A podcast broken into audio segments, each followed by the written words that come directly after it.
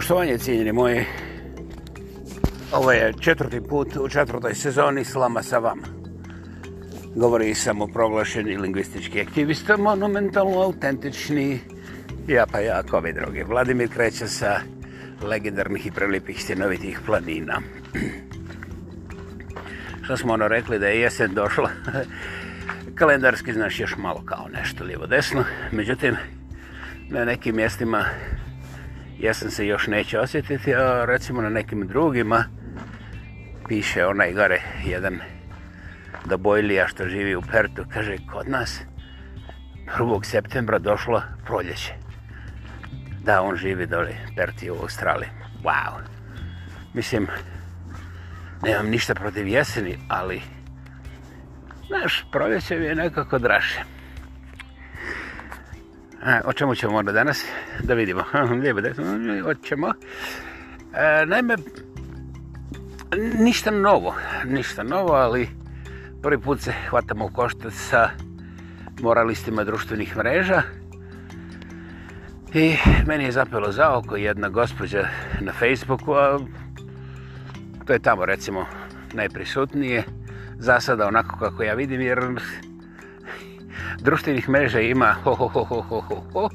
tako da složit ćemo se lako da nije normalno pogledavati čak ni većinu, a ne do bog sve i onda ćemo se zadržati na tom nesretnom Facebooku dakle pojavila se jedna gospođa često puta dosadna gospođa kojima je dosadno odluče da, da čiste i ovaj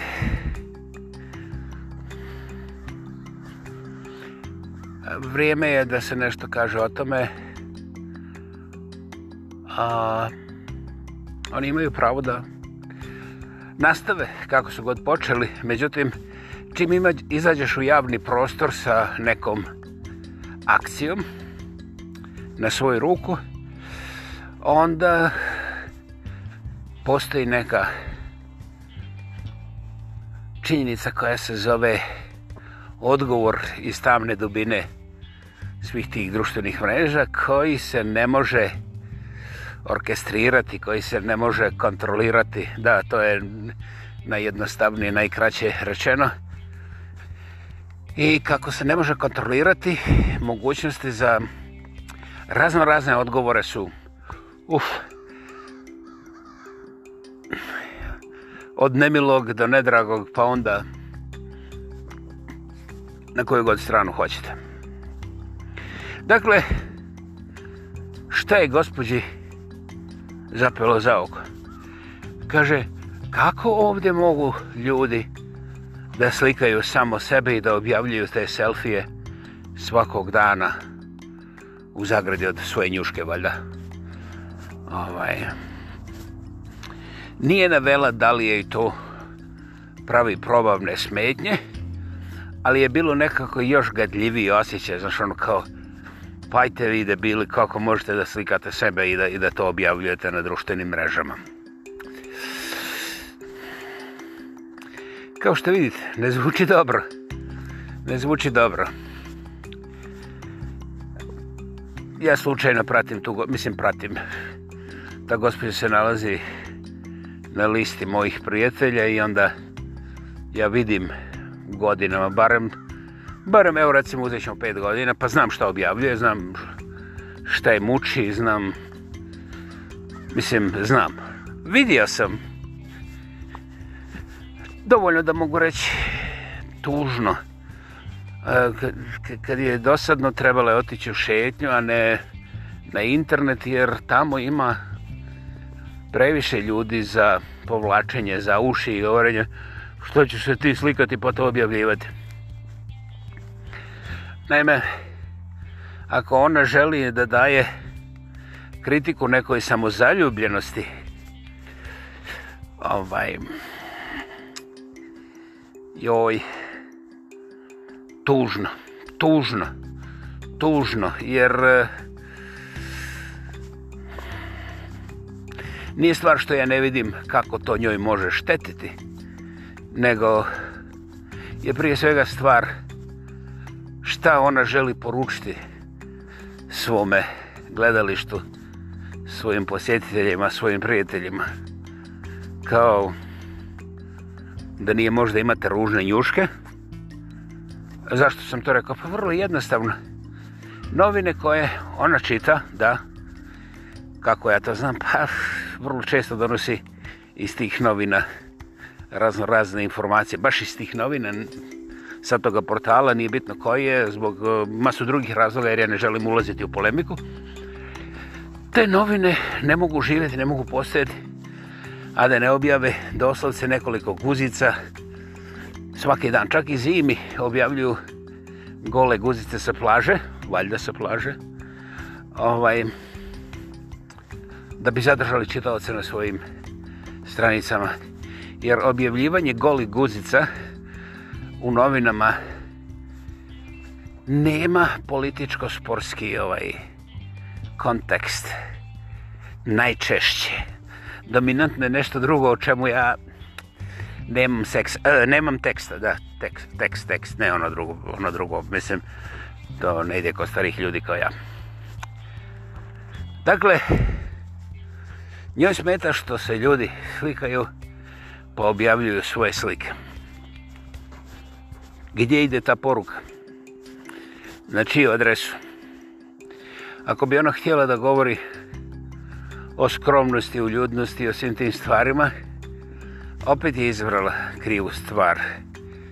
Ja nijednog momenta ne pobijam da ljudi koji slikaju sebe cijeli dan, a to je vrlo teško naći da neko slika sebe cijeli dan, znaš, jer 24 sata su zahtjevno dugo vremena i držati kameru u svoje njuške, pa čak i u svoje njuške. Ovaj. E, ja personalno to nisam vidio. Međutim, nakon nekog vremena, ti ljudi kada primijete nečiju njušku koja im se ne sviđa, i onda je primijete nakon dva dana, pa onda naš nakon sljedeća tri dana, pa onda jednog dana kad im je temperatura i tlak u krivom stanju, onda odjednom oni postanu neprijateljski raspoloženi jer tu njušku vidi na svakom koraku. E, ja nijednog momenta nisam ciničan, niti sarkastičan, zbog toga što stvarno mislim da je to tako kao što govorim. Ako ništa drugo, ne morate mi povjerovati, međutim, ja sam personalno prolazio kroz takva stanja jer sviđa mi se milion slika, najde jedna koja mi se ne sviđa i onda to najviše mrzim na svijetu, onda sam na to alergičan. A, ako ne želite lagati, i sami ćete pronaći neku takvu njušku, neku, neku takvu fotografiju i neko takvo stanje. I ja tu ne želim da istražujem, niti da postavljam nekakve ravnoteže ili logike, zato što šta god kažemo već na sljedećem koraku, to ne važi. A istovremeno, ako počnemo otkrivati koja mjera je mjera, recimo za pojavljivanje na eto, tom nesretnom Facebooku, opet nećemo naći mjeru, čak i ako nađemo nekakav dogovor danas, već sutra ispostavit se da nekako ne paše, da treba nešto proširiti, nešto treba suziti, nešto treba zaboraviti, nešto treba i tako dalje i tako dalje ovdje sam ja vrlo jasno rekao da perfektnog pravila ili perfektne definicije za ono šta bi moglo ili šta bi trebalo i šta bi trebalo vrlo jednostavno nema vrlo jednostavno nema jer e, ako imate samo dva čovjeka i pođu u kafanu recimo da popiju jogurt znaš. Dobro ste čuli. Jeste, slažem se. Treba naći kafanu u kojoj možete da poručite jogurt, a da vas se ne pretuku ili recimo izbace van. E, možda i gazda, možda samo gosti ili jedne i druge skupa, zavisi u kakvu kafanu ste ušli. Dakle, bez ikakvih tisuća ljudi na tom nekakvom spisku, uđete u neku lokalnu kafanu, Tamo ima jedna konobarica i dva, tri gosta. Zadražite jogurt i možete stvarno polizati batina. I to nijednom, u nijednom momentu nije um,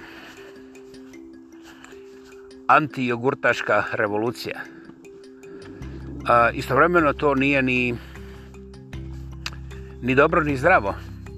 Ni za jednu stranu. Oni koji su dobili batina imaju, znaš, ovako uh, natučene kosti i bubrege, a ovi koji su dijelili batine, kad ih ovi prijave, mogu imati nezgodne razgovore kod kuće, znaš, jer boli njih briga kad dođu na sud, oni su tamo došli kao ponosni sileđi, razumiješ, koji su namlatili ove jogurčije, imaju da pričaju vic svoje ekipi, jer oni su nalokani, još se nisu otrijezili, otrijezili, nisu zabrnuti. Naši ironi znaju da su htjeli samo da natuku te fince koji tu nekakve jogurte, znaš, šta će oni njima se sprodati, znaš, u njihovoj kafani koja pošteno služi pivinu i, i vodku, oni traže jogurt, mislim, zna se kako se to rješava. I oni imaju i moralnu i materijalnu podršku svojih jerana, mislim, ja ne trebam to obrazlagati, vi se bezpogovorno slažete sa tim, jer to je više nego očigledno. Međutim, istovremeno mi ne možemo biti ni zadovoljni, ni ponosni što je dvoje ljudi koji su htjeli da piju jogurt imalo takvu užasnu krivicu da su zatražili jogurt na javno mjesto u kafani i da su zbog tog jogurta bili premlaćeni. Ko bi to mogao odobriti? Dobro, ne pitam za ove psihijatrijske slučajeve, niti ovaj, za te demokrata i djeljetelja slobode, jer oni bi bilo ako našli opravdanje da upotrebe mortaljeze ili možda čak raketla, šta ja znam, jurišne podmorice. Međutim, o tim intelektualcima ja nisam kompetentan govoriti, jer bljak, to je sve što ja mogu. Ako tim ne gledate, tako neki svijet, onako podnošljiv, takozvani normalan, ne, ne, pretući ljude zato što su tražili jogurt, sad sam zaboravio ono u kafani lokalnoj i to sam zaboravio e, znači kogo to čuje odmah mu smeta šta ima loše ako je čovjek želio da popije jogurt kako, kako to može da ga košta prebijenih leđa šamarčina i paraperkata međutim ja sam već rekao prije što ovo počelo i tekako možemo Na isti način kada dođemo na internet, ko kome se god smuči, on odma prdekne šta mu se smučilo. I ovaj, očekuje aplauze, znaš ono, like, like, like.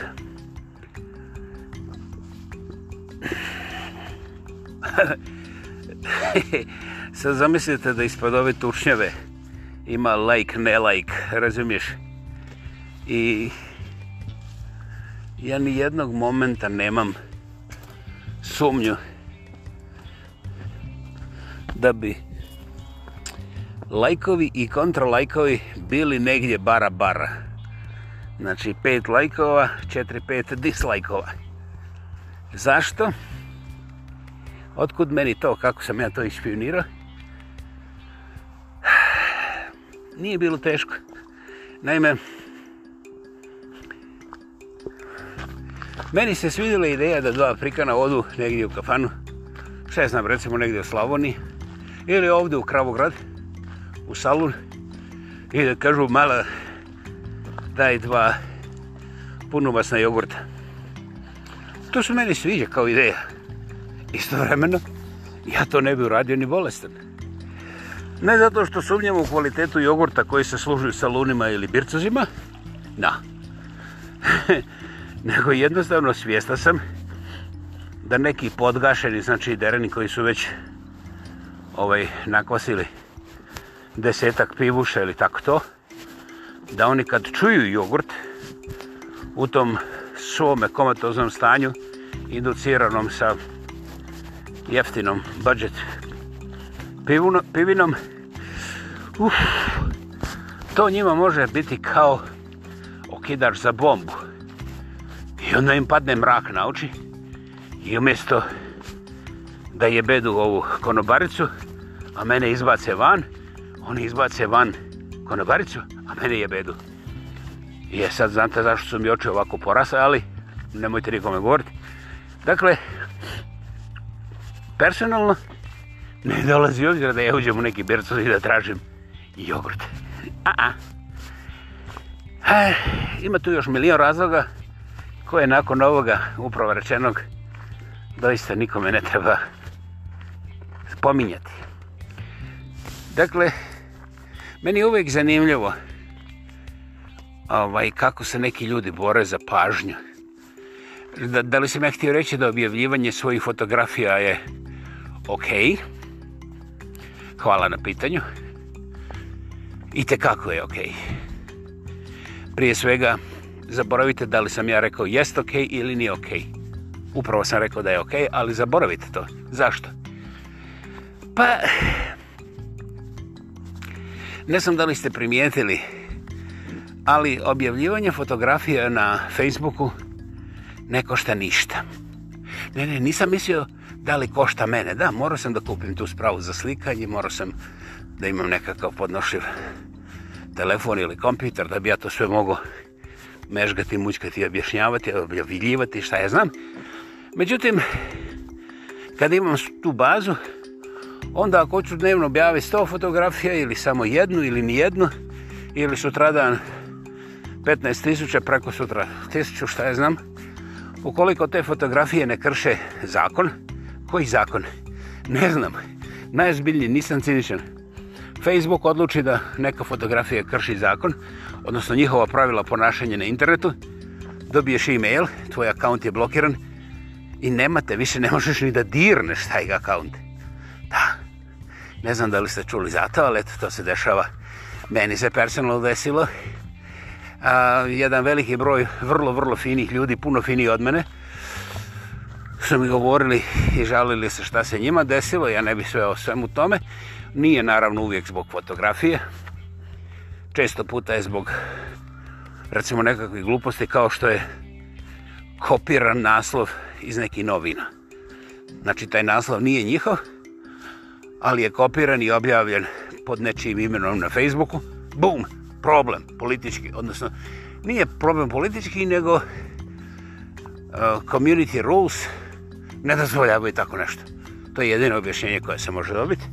I bum, ukoliko nije nešto dramatično. Akaunt je suspendiran za mjesec dana, a onda, ako se ponovi, onda ti ga ukinu. Izbrišu te, nemate. Dakle, bez obzira šta mi sve zamislimo i pokušamo i hoćemo, e, stvari nisu otvorene, odnosno nisu nikad bile otvorene do kraja i čak će potpuno fini i pristojni ljudi naletiti na tu bombu zabrane i neće moći uraditi ama baš ništa. Dakle, ako vi mislite da ovi samozavljubljeni mogu da objavljivaju sve i zauvijek kako im se svidi, imajte na umu imajte na umu da veliki brat Facebooka u ovom slučaju, ali i većine drugih ovih društvenih mreža gledi, njuška, i ukoliko im se ne sviđa, oni to zaustave. Znači, to da se vi žalite kako neki ljudi objavljuju svoje slike svaki dan, postaje sad malo ljigavije. Pogotovo za osobu koja je visoko obrazovana, potpuno neupetljana, nenapadnuta i nema. Wow! Can I steal your dog? hey, you're like from must be young, huh? Yeah, yeah, it's a year. Wow, awesome, awesome. Thanks, thank you. Vidi, predam predivan mali vučjak, godinu dana star. Ja to volim, ja sam presretan kad ih vidim. To je za mene.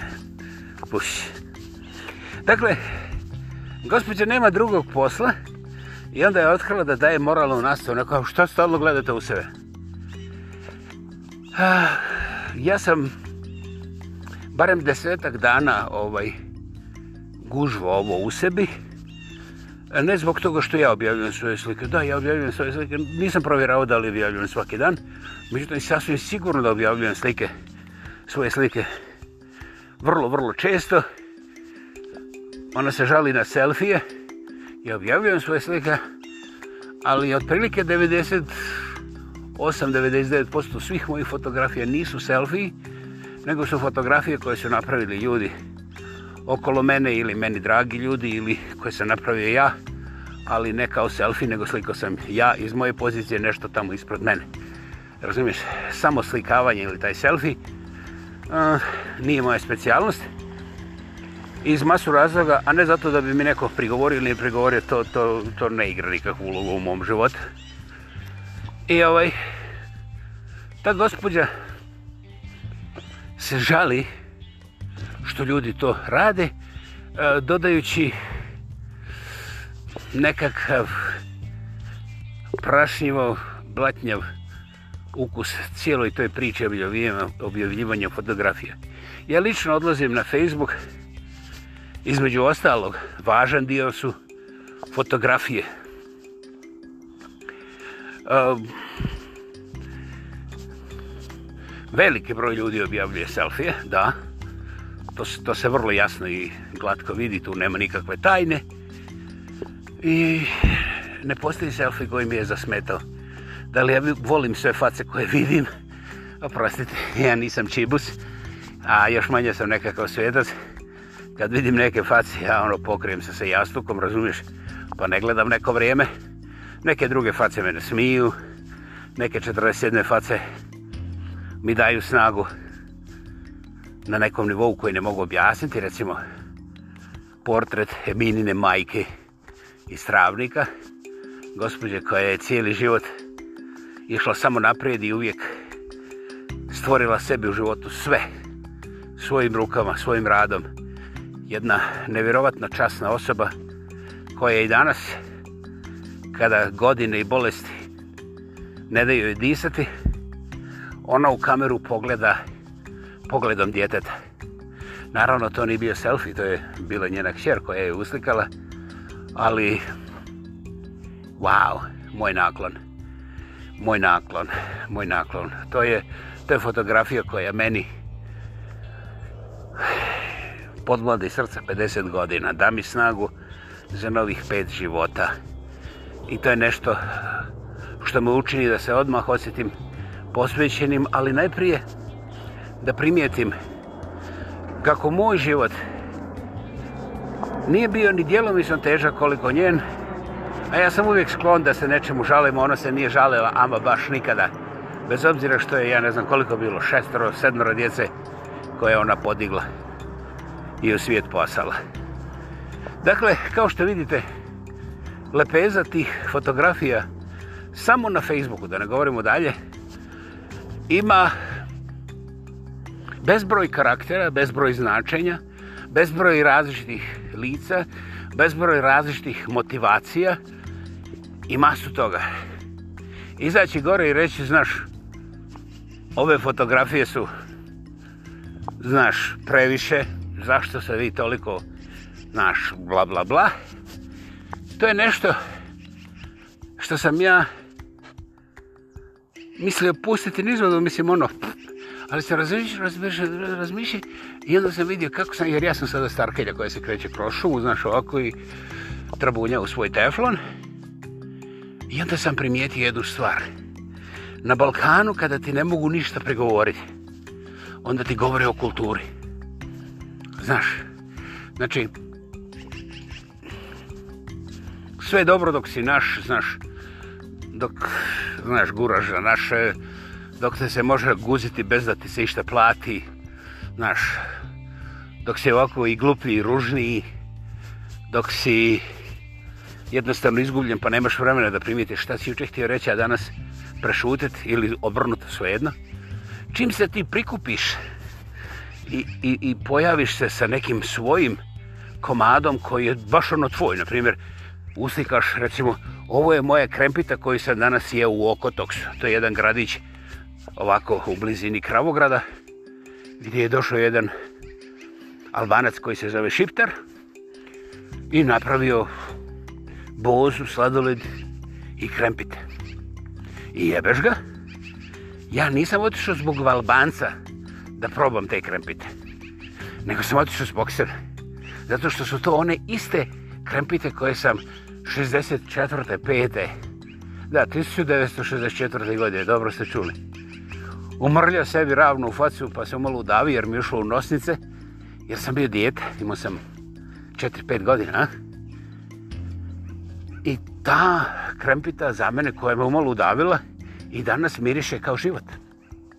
I zato taj albanac koji se zove Šiptar, odnosno, ne, on je tamo bio Šiptar, a ovdje je albanac, da, sad sam se vidio što je to a ovaj, kad sam ja čuo da on pravi te šem, šem, krempite, da i šampite su, šampite su tu, ali krempite su zbog nečega, znaš, one imaju tu žutu boju, limun, lijevo, desno, kremaste, znaš, ah, ja sam se davi. I sad ja usikam tu svoju krempitu koja je, recimo, za nekoga ko živi, šta jer znam, u Prištini, ta pa krepita za njega je isto kao, na primjer, za nekoga derana u Minjanu, bavariše, bira, razumiješ, ista stvar, dosadno, svaki dan. Mislim, nije da on to mrži, nego ima, to je to, mislim, ne, ko bi se čudio. Ali ja usikam svoju krempitu na kraju svijeta, ispod stjenovitih planina, u Okotoksu, kod obanca koji je došao prije mjesec, dva dana. I ja sam oduševljen što ta krempita, ne samo da izgleda, kad sam mušu, kad sam vidio, nego kad sam je dobio na tanjer, ona mi riše. Isto kao 64. godine. I ja usikam, znaš, i onda mi dođe neka gospođa, razumiješ, koja je dokona, koja je to sve za povraćanje, jer razumijem, njoj je tlak otišao kroz krov, mislim, onog, truderuf, što se kaže ovdje ovaj, u albanskim krugovima, a šećer je ubija, ona zbog tog šećera ima ozbiljnih problema sa zdravljem, I sad kad ona vidi krempitu u gro planu, i to samo krempitu, znaš, onako na ono malo preveličene fotografiji, pa njoj se smrkne. Međutim, ja za nju nemam niti jedno opravdanje. Jer kada bi ona tretirala svaku fotografiju nečega što ona ne smije više da jede, na taj način, pa znaš šta, ona bi morala još prekjuće da se smijesti u groblje ili u krematorijum. Jer drugog izlaza nema. Nema. Na koji način zabranjujemo ljudima da jedu ono što vole, odnosno da fotografiraju svoj omiljeni kolač pa ga stave na svoj internetski zid. Uh, uh, ozbiljno pitanje. Vrlo ozbiljno pitanje. I onda ima još jedna stvar. Ako je osoba starija od 70 godina drži nastavu koliko se treba slikavati, uh, onda nikad nije čula za starlete, znaš. To su ove drugarice koje se hvale kako im je tata platio da naprave novu guzu, sise i sve ostalo. O čemu ja nemam primjedbi. Ne da aplaudiram, ne da idem tamo, ali da nisu objavili na naslovnoj stranici jednog od glavnih nacionalnih portala, konkretno države Hrvatske, Republike Hrvatske, onda ja ne bi nikad znao. Međutim, kad smo se zveći na tome portalu, pojavili, hajmo da pogledamo šta se još objavljuje. Uff, predlagaček spisak, ali eto, ta drugarica koja je tata sve to platio jer on ne želi ozbiljne svote novaca koji su bez obrazluki za ove moje kravogradske prilike gdje je malo više ima novca nego recimo u tamo tim balkanskim. A, na tom istom portalu nema dana da neka beogradska Arlaukova... A, Arlovkovčići, Arlovkovčića s koje ima velike, veliko ime, o, dobro, veliko, nema veliko ime, podrko, zbrko sam ovo sve.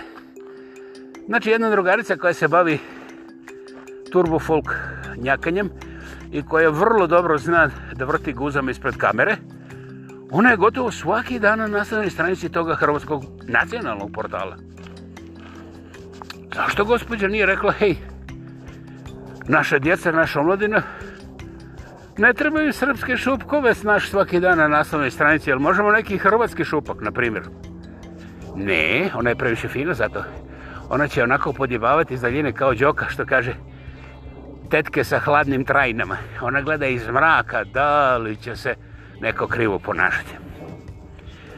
I neka gleda, ja znam da te gospođe ne želim konsultirati, ne želim im prilaziti, niti im izravno želim bilo šta reći. Da, ova cijela, ova cijela emisija, ovaj cijeli podcast nije namijenjen njima, nego baš vama.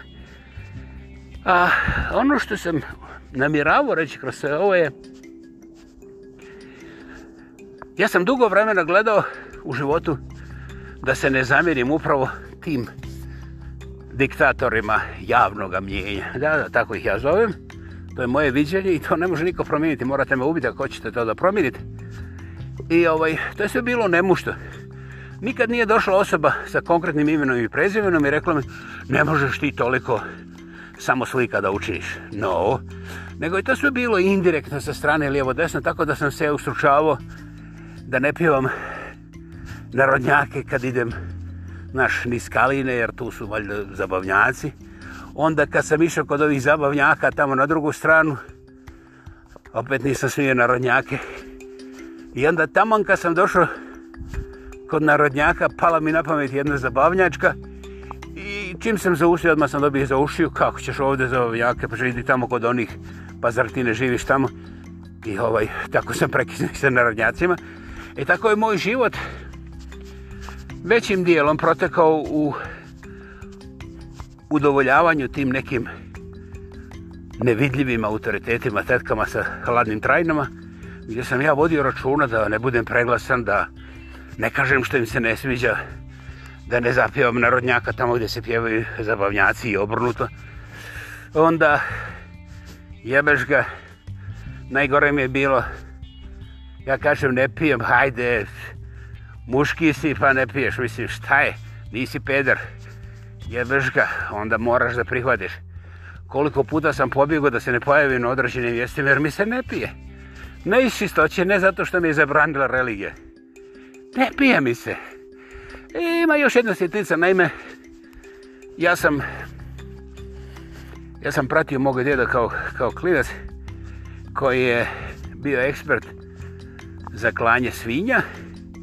I onda prije nego što se svinja nastavila sjeći i čistiti nakon klanja, vrlo brzo nakon klanja se moralo otvoriti stomak ravno na jetru i oni tu gledao, nemojte mu uzimati za riječ, ja ne znam precizno, ali oni izvlačaju jetru i gledao okolo da li negdje ima neka druga žlijezda, pa onda da li ima neki boja različitih, sad sam je zaboravio šta je šta, jer tu je bio ključ ako nije bilo veterinara u to vrijeme, mi govorimo o drugoj polovici 60-ih i ranijim 70-ima.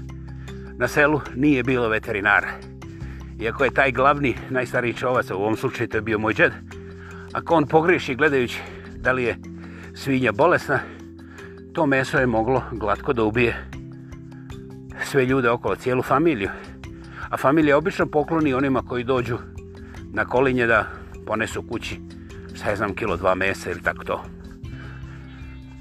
I onda sam ja vidio jetru i jednom, ja ne znam koje godine i kako, ta jetra koja izgleda lijepo, onako smeđa, fino, ja sam to zapamtio, jedna jetra izgledala kao ono na pustinji, one ispucane, one kockice i, i tako dalje, i, i, i smrdila je.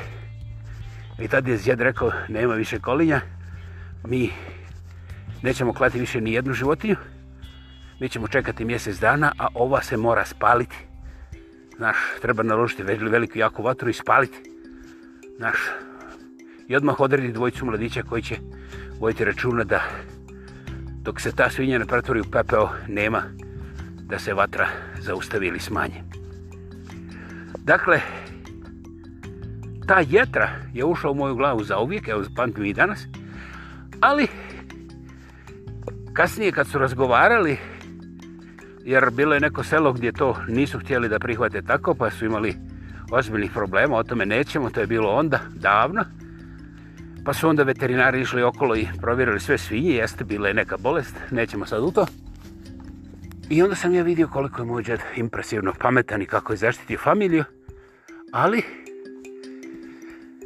znaš, vidio sam i to da je veliki cuger i da je veterinar koji je došao rekao Gojko, ako nastaviš tako, ti ćeš prije sutrašnjeg dana završiti kao ona tvoja svinja, jer tvoje jetra je već u tome stanju raspadanja. Ja nisam znao šta to znači, ali kad je on meni dao tu sliku da je jetra moga džeda koji jest popio, volio je da surdukne jeli preko čize, to, to je latinski, ja ne znam kako se to pravodi na ove moderne jezikove. ovaj, I za kad je zamislim da moj džed ima takvu jetru kao na svinje koji su juče kao spalili, wow, ja nisam više... Ne, broj alkoholizirani stanje u mome skoro 70-godišnjem životu može da se stvarno nabruji na prste ne jedne ruke, ali ne više od 3-4 tih deset prsta koje imam na rukama. Najzbiljniji.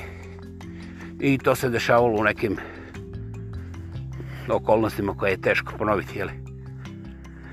Dakle, ja sam prirodno bio peniciliziran kontra alkohola i to nije bilo neka odluka, znaš, ono sa ratifikacijom i parlamentom i tako dalje. To je jednostavno neka prirodna sila u meni koja je zaživjela i ostala tu do dana današnjeg i uopće mi ne smeta ostaće za uvijek. Dragi moji, tako ako odlučite da izdaleka slušate ove gospođe koje vam drže nastavu kako je ovo loše, a ovo, znaš, kao kulturno, znaš, samo za primitivni i tako dalje, i to na internetskim društvenim mrežama, ignorirajte. Recite sami sebi, ova gospođa ima pravo da kaki po internetu, šta god hoće, jer kao što znamo, zaustavit će ovi moderatori kad pređe čizu. A ja činim sve što hoću, dok i mene na isti način ne zaustave moderatori. Ja ne izlazim na internet i na društvene mreže da bi se svidio nekome, ali Boga mi, bez imalo ustezanja, želim da se svidim samom sebi. Drugim riječima, Ja nikome ne savjetujem da objavljuje najlošije fotografije i tekstove o sebi, nego upravo suprotno. Jer ako se vi ponosite zbog nečega što je vaše, što ste vi, nema ništa zdravije nego da kažete bum, to sam ja. Ako se to nekome ne svidi, pa imajte uvijek na umu da barem dvije milijarde ljudi na ovoj planeti, barem dvije milijarde, te dvije hiljade miliona ljudi, bi u svako doba, iskoristili najgori mogući riješnik. Samo toliko da ne idemo dalje. Kontra jednog Isusa. Da li Isus to zaslužuje ili ne zaslužuje? Ja nisam adekvatna adresa za takav odgovor, niti pomišem. Ali pošto je Isus obožavan i slavljen kroz barem dvije milijarde drugih ljudi koji vjeruju u njegovu vjeru, onda dvije milijarde, barem dvije milijarde onih koji će ga napasti, bez obzira da li je on ovakav ili onakav, govori vrlo jasno da ja ili vi ne možemo ni slučajno proći, ne samo na internetu, nego u životu, bez nekoga ko će reći da smo najružniji na svijetu. I to će stvarno tako misliti i to će stvarno biti tako u očima tom čovjeku. Ukoliko vi pokušate da mu objasnite da je zabludio ili bilo šta drugo, sretan put u kanalizaciju.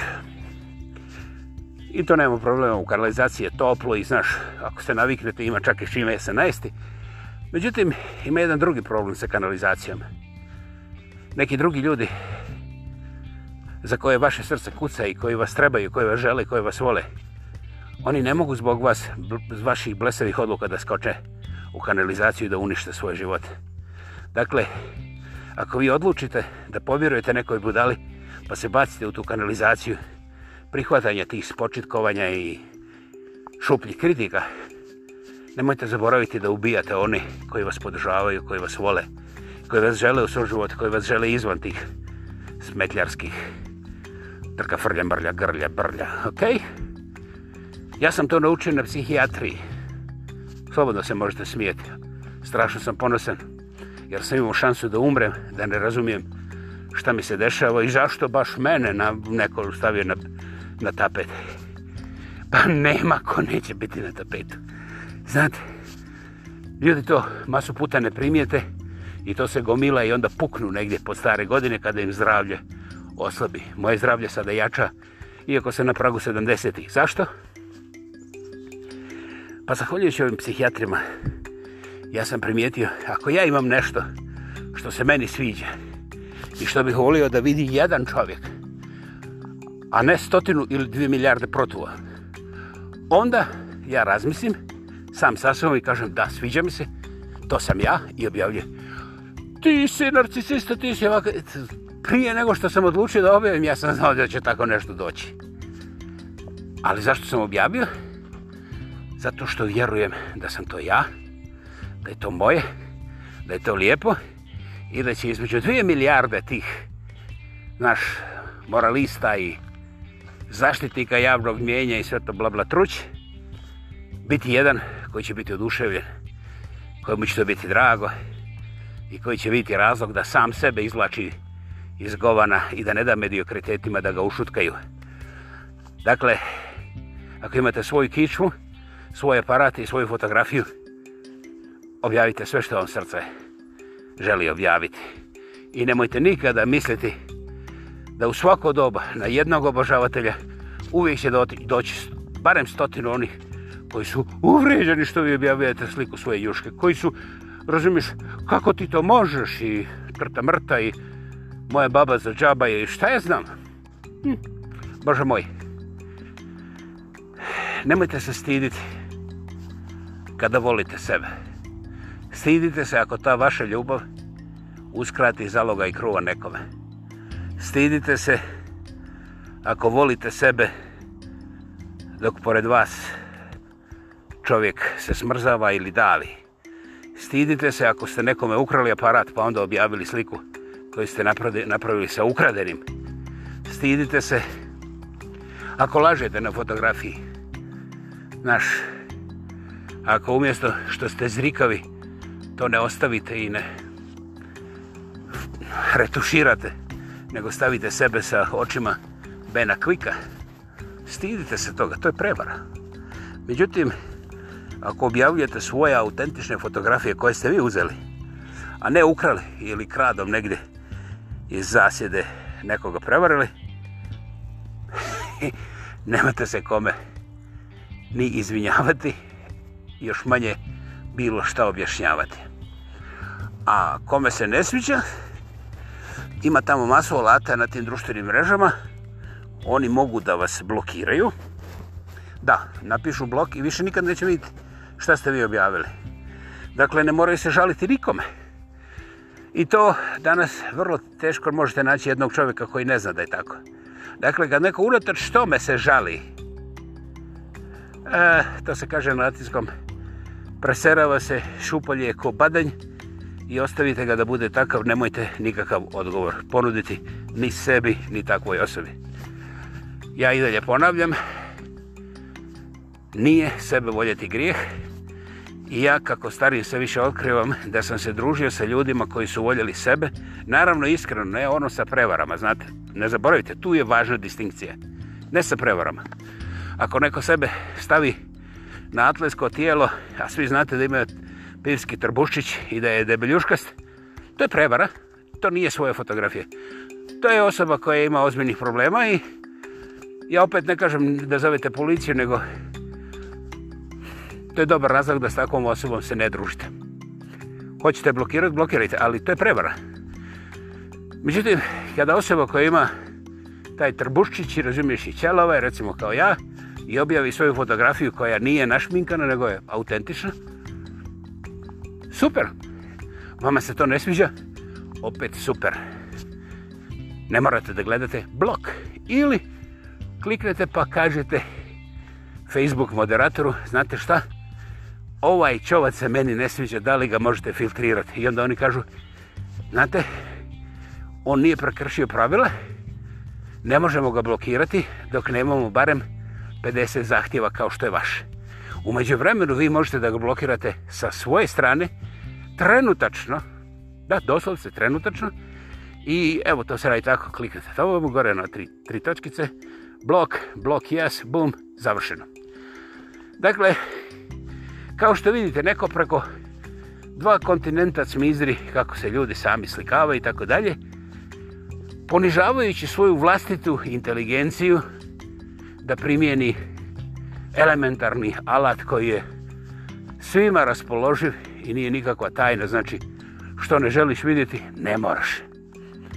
Ali, to je upravo to objasnilo kako se mi međusobno mrzimo i ne podnosimo, jer imamo male, male, male, male uske živote u kojima nema dovoljno hollywoodske prašine, jer kako nikad nismo izašli iz blata, Mi sanjamo da je prašina, pogotovo zvijezdana, nešto kao vrijedno. Pa onda onaj ko se bolje naguzi i bolju sliku napravi, on ima kao više te nekakve prašine. A, te ljude ne treba žaliti ozbiljno. Ovo je bilo sve. Neću dalje, neću dalje, ali je bilo vrlo važno, vrlo važno da vam kažem. Hvala vam što ste izdržali do ovdje i ja se nadam da ćete razmisliti na svoj način i sagledati ovu situaciju, jer... A, društvene mreže nisu tu da ispare zbog toga što evo sada ta artificial intelligence i sve što se dešava u tehnologiji upućuje na to da taj takozvani ljudski kontakt, znači čovjek, čovjek čovjeku izravno, uživo, će biti vrlo, vrlo, vrlo rijetka pojava i zapravo da će svakim danom komunikacija preko komunikacije tih sprava, znači internetska komunikacija, ne samo u društvenim mrežama, nego u svemu što komunikacija obuhvata, biti elektronički izražena i onda mislim da je strašno važno da vam kažem ove karakterne elemente s kojima neki pokušavaju da zauzmu bolju elektroničku gusiju, a zapravo to je isti cigojnerski smrad koji se i bez interneta držao sa hladnom tajnom u mraku da vidi da li će neko da pipne guzu ili bluzu od znaš, štićene osobe koju ova osoba sa hladnom trajnom drži kao svojom. Zaključni su vaši, živi zdravi bili. Bila je ovo četvrti put u četvrtoj sezoni Slama sa vama. Govorio je samoproglašeni lingvistički aktivist, monumentalno autentični aktivist da, sa legendarnih i preljepih stjenovitih planina, Vladimir Kreća. Živi zdravi bili, hvala vam.